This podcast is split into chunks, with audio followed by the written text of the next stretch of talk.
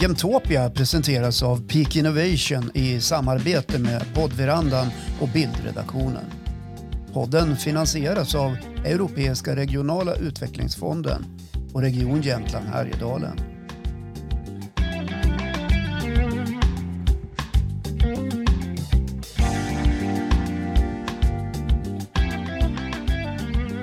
Och välkomna till Jämtopia där vi idag bland annat ska prata om framtiden inom e-handel och hur man gör för att den ska växa på bästa sätt. Vi ska också prata om vad som kännetecknar en bra entreprenör och mycket annat. Och det gör vi tillsammans med dagens gäst Henrik Aspen, partner på Verdane. Välkommen Henrik! Tack så mycket, roligt att vara här. Du, berätta lite om Verdane. Vilka är ni? Vilken typ av bolag investerar ni i? Vi är från början en norsk eh, firma som kom till Sverige 2005 som är en tillväxtinvesterare. Vilket betyder att vi eh, i vårt fall går in i bolag som är liksom under, under tillväxt. Som vill växa och vill internationalisera sig, vill stärka sin organisation eh, och växa. Eh, jag har själv varit med sedan starten i Sverige 2005 Eh, och kopplat till e-handel så har vi egentligen gjort investeringar i e-handel hela vägen tillbaka till 2005. Eh, och vi tror på det eh, och vi tror att det är här för att stanna under en lång tid framöver. Mm. Ni har nyligen investerat i lite intressanta bolag. Kan du ge något exempel? Nej, men jag tycker att vi investerar i bolag egentligen konstant som är intressanta. Och precis nyligen så investerade vi i Instabox, eh, bolag som då ska växa kraftigt i både Benelux och Tyskland, där vi har en stark, ett lo lokalt team i Tyskland och vi tror att det är som hand i handske att kunna hjälpa Instabox som är en beprövad eh, affärsmodell i Sverige eh, ut på nya marknader och hjälpa dem att, att växa ytterligare. Mm. Och hur går urvalsprocessen till? Vad är det som visar er vilka bolag ni ska investera i? Nej, men framförallt så försöker vi leta efter det vi kallar för strukturella tillväxttrender eller megatrender. Och ser man lite då till e-handel så har vi gjort det länge och det har liksom ändrats över tid.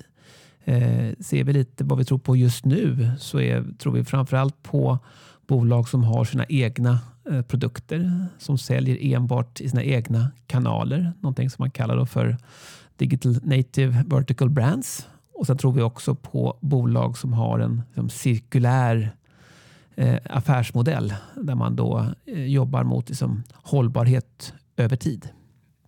Mm. Hållbarheten, är det något som har liksom ökat behovet av det de senaste åren eller har ni alltid tänkt på det?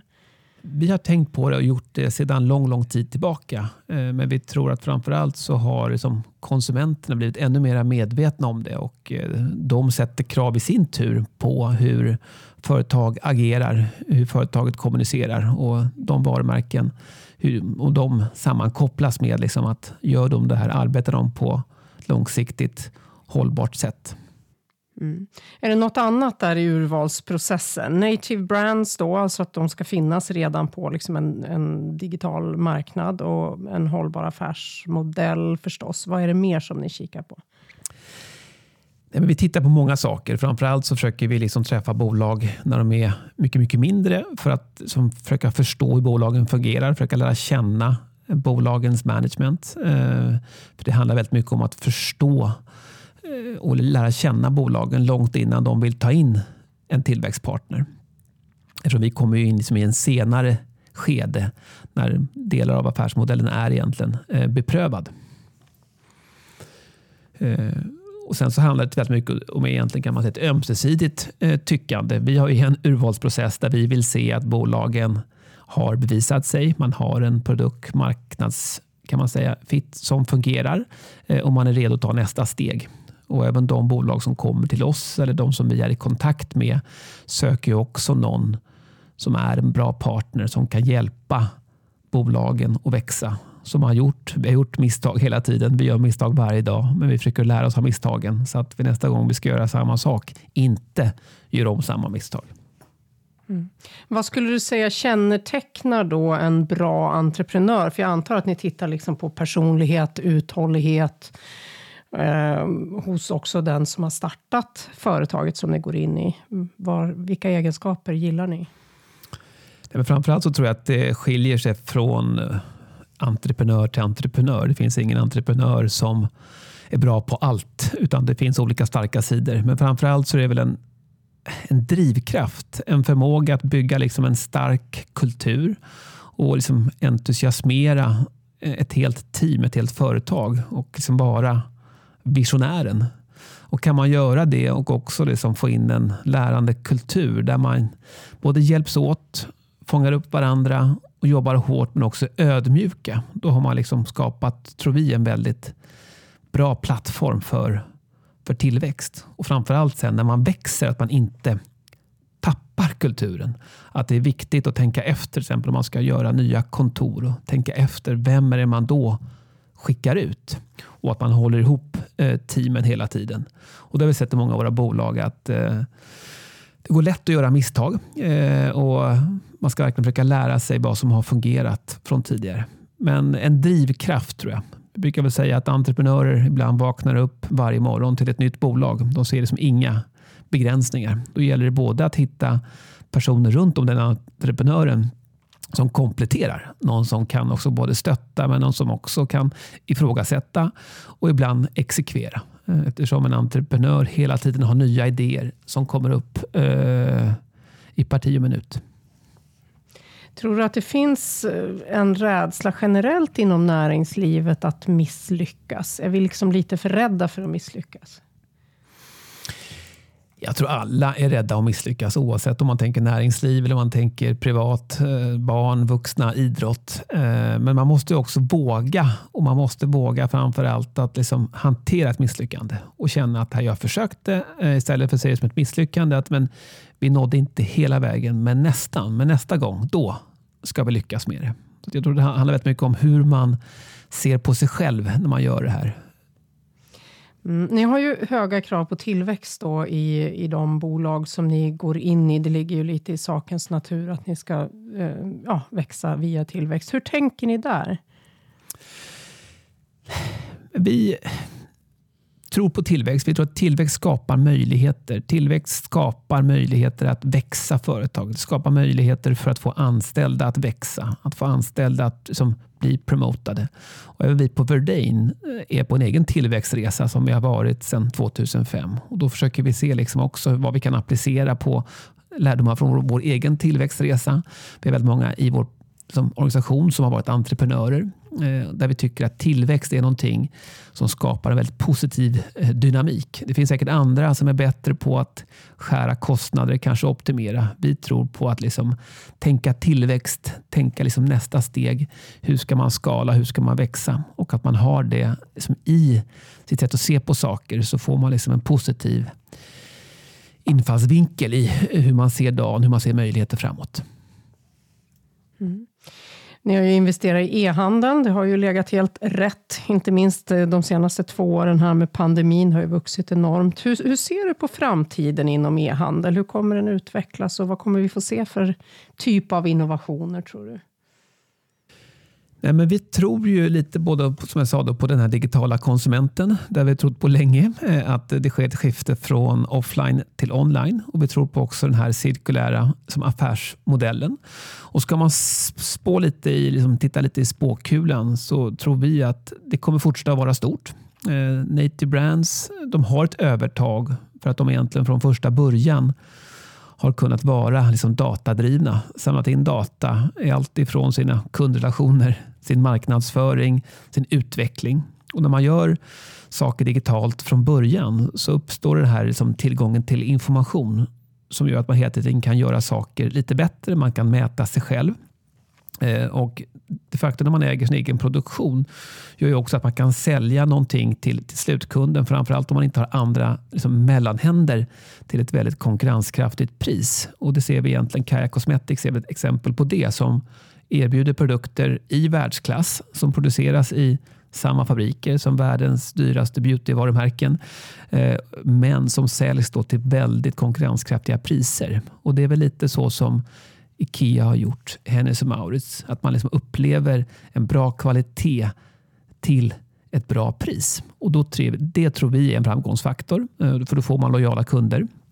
Det andra är liksom hållbara bolag som vi också tror på framåt. där man är övertygad om att det bolag som har en affärsidé att både skala, alltså växa, samtidigt som man bidrar på något sätt att lösa liksom sociala eller miljömässiga problem. Då kommer man kunna ha en långsiktig tillväxt under många årtionden framåt. Mm. Om du skulle ge några tips då till ett bolag som startar inom e-handel, vad, vad är det viktigt att tänka på?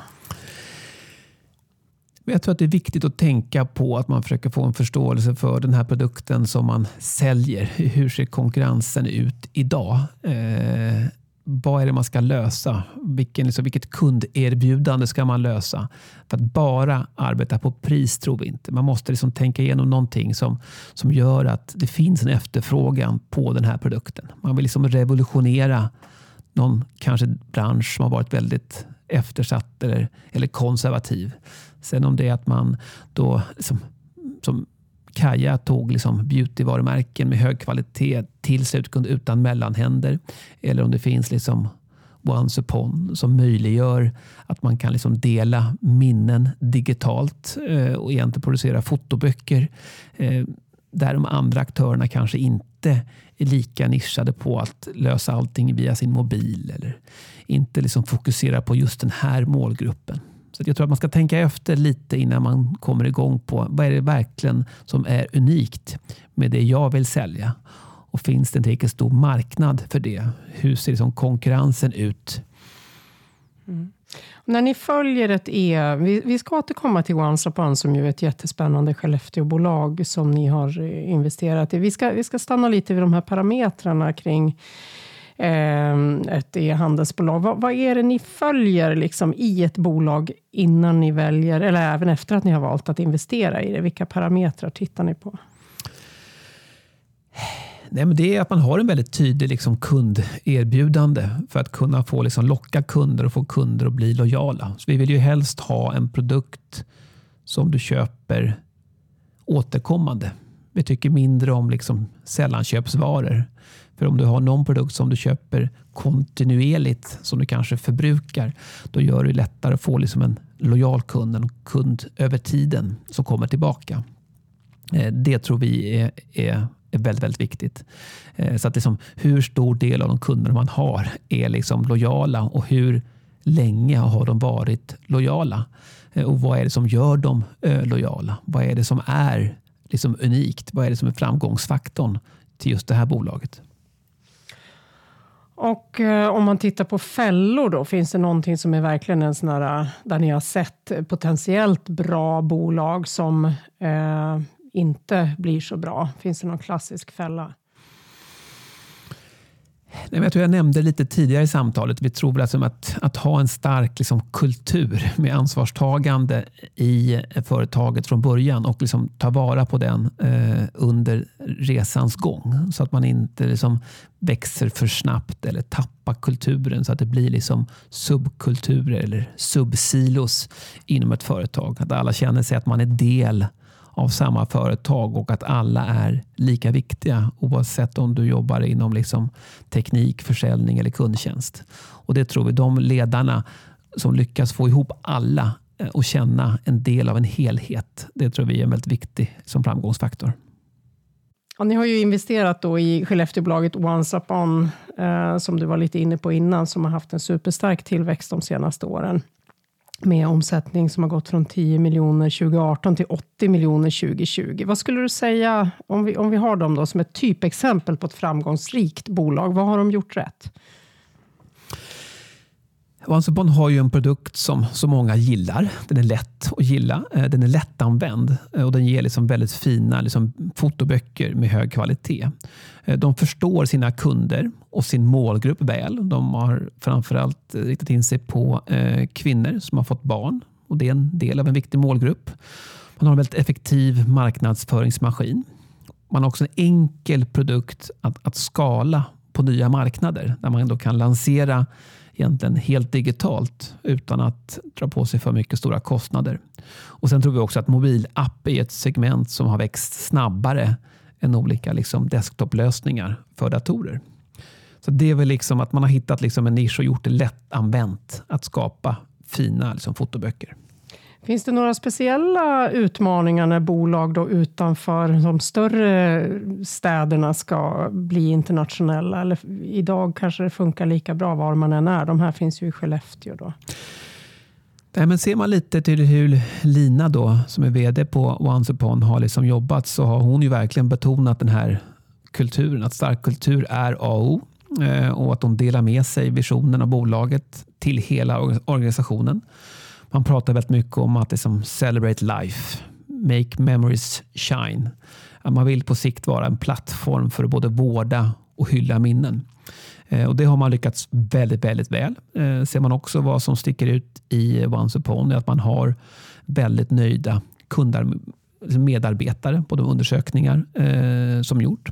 Man har också lyckats hitta liksom, resurser utanför då Skellefteå, till exempel i Luleå Eh, eller i Stockholm. Och Jag tror just det att betona kulturen blir liksom än viktigare även när man ska växa utanför Skellefteå. Eh, och det, finns liksom, det finns många konkurrenter på marknaden, men inte så många som kanske har just det här fokuset. Och genom att val, liksom, positionera sig och ha ett starkt varumärke så tror vi liksom och fokuserar på enkelt att använda, skandinavisk design och vill vara en ansvarstagande aktör som värnar om hållbarhet.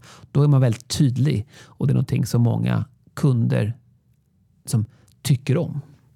Finns det någon särskild strategi då för att skydda den här positionen med stark tillväxt och, och ja, ganska utpräglat utseende och nisch? Hur, hur skyddar man den positionen? för det första så måste man ju vara väldigt lyhörd mot kunderna Eh, och se till och att jobba nära kunderna och förstå liksom att man hela tiden levererar en, en bra produkt. Eh, sen tror vi att det kan vara också bra att man är liksom lokaliserad utanför en, en storstad. Att det är lättare att kanske bygga liksom ett mer familjekänsla i ett företag, även om det inte är familjeägt. För det ger ett, liksom ett, ett bra driv i bolaget. Det kan kopplas till en stark eh, kultur. Och Det tillsammans gör att man kan få liksom starka Eh, konkurrensfördelar. Och tittar man liksom tillbaka lite så är faktiskt ja, tror jag, nio av tio liksom nordiska familjedynastier har liksom grundats utanför storstäderna. Tänker på Ikea i Småland, tänker på Lego eh, i Danmark. Och Det finns många exempel på att det är väldigt viktigt. Eh, och Tänker man då på möbler så har man fått ett starkt kluster i Småland. Tänker man på ingenjörskunskap så finns det många sådana företag i Norrland. Tänker man på medicinteknik så är det samma i Skåne. Så det kan liksom knoppa av sig och bilda liksom lokala starka kluster. Mm. Det har ju verkligen vuxit de sista åren uppe i ja, men både Luleå och Skellefteå som ett exempel. Då. Hur, hur ser ni på att man, ja, men personaltillgång, humana kapitalet på en ganska liten ort som Skellefteå med bolag då som starkt eh, växer? Nej men alltså att hitta bra personer är svårt oavsett var man än är. Så det gäller ju liksom, framförallt om man jobbar från en, i en yta som har ett mindre upptagningsområde, till exempel som Bansupon så kan man ju tänka strategiska partnerskap eh, med andra bolag i närområdet för att liksom marknadsföra sig och attrahera eh, arbetskraft. Man ska skapa den här interna kulturen eh, av driven av både lärande och ansvarstagande. Sen ser väl vi liksom nu med, med pandemin har ju också haft fördelar tror jag för företag i mindre eh, städer och orter där man kan jobba mer flexibelt. För med som pandemin i, i backspegeln så har man faktiskt etablerat ett liksom, sätt att arbeta, att man kan arbeta från distans. Man kan jobba liksom, smart, man kan tänka på när man rekryterar. Man behöver faktiskt inte flytta så länge man kan vara en del av teamet. Sen kommer man självklart behöva resa lite, men jag tror att den här flexibiliteten kommer underlätta, framförallt för, för grupper med, när man är i en fas av livet, när man har mindre barn, när det går mycket tid till att kanske hämta lämna, då kan du välja kanske vilka dagar som du är på kontoret, vilka dagar du jobbar hemifrån. För det är egentligen så att jag tror att nu, som, nu förväntar inte arbetsgivare att man är på plats längre. Nu förväntar arbetsgivare ännu mer tydligt att man gör det man ska göra. Sen så var du gör det ifrån. Självklart har man liksom ett serviceyrke, jobbar man liksom inom transportindustrin, sjukvård, hälsovård, då har man absolut kanske inte samma möjlighet. Men jobbar man i ett, liksom ett teknikföretag så har man stora möjligheter att egentligen jobba från distans, vilket jag tror kommer att gynna företag i, i mindre städer, mindre orter. Mm. Vi har haft Once Upon då här som ett eh, exempel på en fantastisk resa. Ibland går det ju lite mindre bra. Ni har bolaget då som ja, men poster tavelbolaget Desenio som har ja, rasat i värde sista året. Hur har ni hanterat det kommunikationsmässigt mot marknaden? Nej, men framförallt så tror vi man ska stötta sina bolag i både med och motgång. Och om man backar några steg och pratar liksom kanske lite om kommunikation eh, i svåra stunder lite allmänt så säger man kan säga att förtroende är en grundförutsättning för att kunna bedriva verksamhet. Och från ett långsiktigt varumärkesperspektiv så är oftast inte krisen som avgör liksom eftermälet hur mycket förtroendekapital man egentligen har förlorat. Utan det handlar mer om hur man hanterat krisen och hur man mäts efteråt. Och här tycker vi att Desenio har skött allting by the book. Och vi valde dessutom kan man säga ovanligheten också gå ut i media och liksom påminna marknaden om att de fundamentala förutsättningarna för bolagets affärsmodell är intakta. Vi har alltid en långsiktig syn och horisont på våra bolag. Eh, vi var länge kvar i Boost långt efter vi hade vår, vår lockup. Eh, och sen så har vi också i Desennios fall köpt vi på oss mer aktier under sommaren. Och vi kommer stanna kvar länge i bolaget för att påvisa det långsiktiga priset i bolaget. Där vi tillsammans med styrelsen eh, påverka det som vi kan påverka, det vill säga själva verksamheten. Att bolaget fortsätter att växa eh, och etablera sig i USA. Eh, nytt logistikcenter i Tjeckien. Och det bolaget som jag tycker är ett fantastiskt bolag med höga marginaler, säljer direkt till slutkund, säljer affordable art till ett väldigt konkurrenskraftigt pris. Finns det någon, eh, någon särskilt bra, eller har du något tips för hur man ska göra för att stärka ett varumärke som ändå får sig en smäll, både på aktiemarknaden och eh, i medierna? Nej, men jag tror man måste väl också analysera situationen, vad som har hänt och rannsaka sig själv. Liksom, kunde vi ha gjort någonting annorlunda? Visste vi om det här innan? Visste vi inte om det? Eh, och utifrån det se, finns det någonting som har förändrats? Finns det någonting som fundamentalt som har förändrats eller inte? Eh, och utgå från det. Och I det här fallet så såg vi att vi alla liksom underskattade den positiva påverkan av liksom pandemin och då underskattade eh, påverkan när pandemin liksom gick tillbaka till ett mindre lockdown-samhälle, framförallt om man har stor försäljning på vissa europeiska marknader. Så att jag tror att man får ta det här för varje enskilt fall, men jag tror att man ska vara så transparent man överhuvudtaget kan. Eh, och det är alltid lättare att vara transparent i ett bolag som inte är noterat. För där kan man också prata om framtidsutsikter på ett annat sätt än om man är noterad. För då finns ett regelverk som man ska följa. Du, det börjar bli dags att runda av. Jag skulle bara först vilja veta vilka branscher och innovationer som nu ni då på Verdane ser som intressanta de närmsta fem åren? Låter lite som en sån här gammal trasig LP-skiva låter jag känner mig som när jag säger att vi tror fortfarande på de här eh, digital eh, native vertical brands. Vi tror på hållbara eh, affärsmodeller eh, som är till exempel Humble, ett av våra tidigare bolag. Vi har Momox som är stora i Tyskland inom re-commerce som är kan man säga second hand eh, där du säljer kläder on online. Eh, vi tror på det cirkulära, det hållbara och framför allt att man kan göra saker effektivt utan mellanhänder eh, och ha ett starkt kunderbjudande där kunderna i slutändan liksom uppfattar ett stort kundvärde de får ett stort kundvärde för det som de betalar för. Det får bli slutord här. Tack så mycket för att du var med oss, Henrik Aspén, partner på Verdec. Tack så mycket. Hej.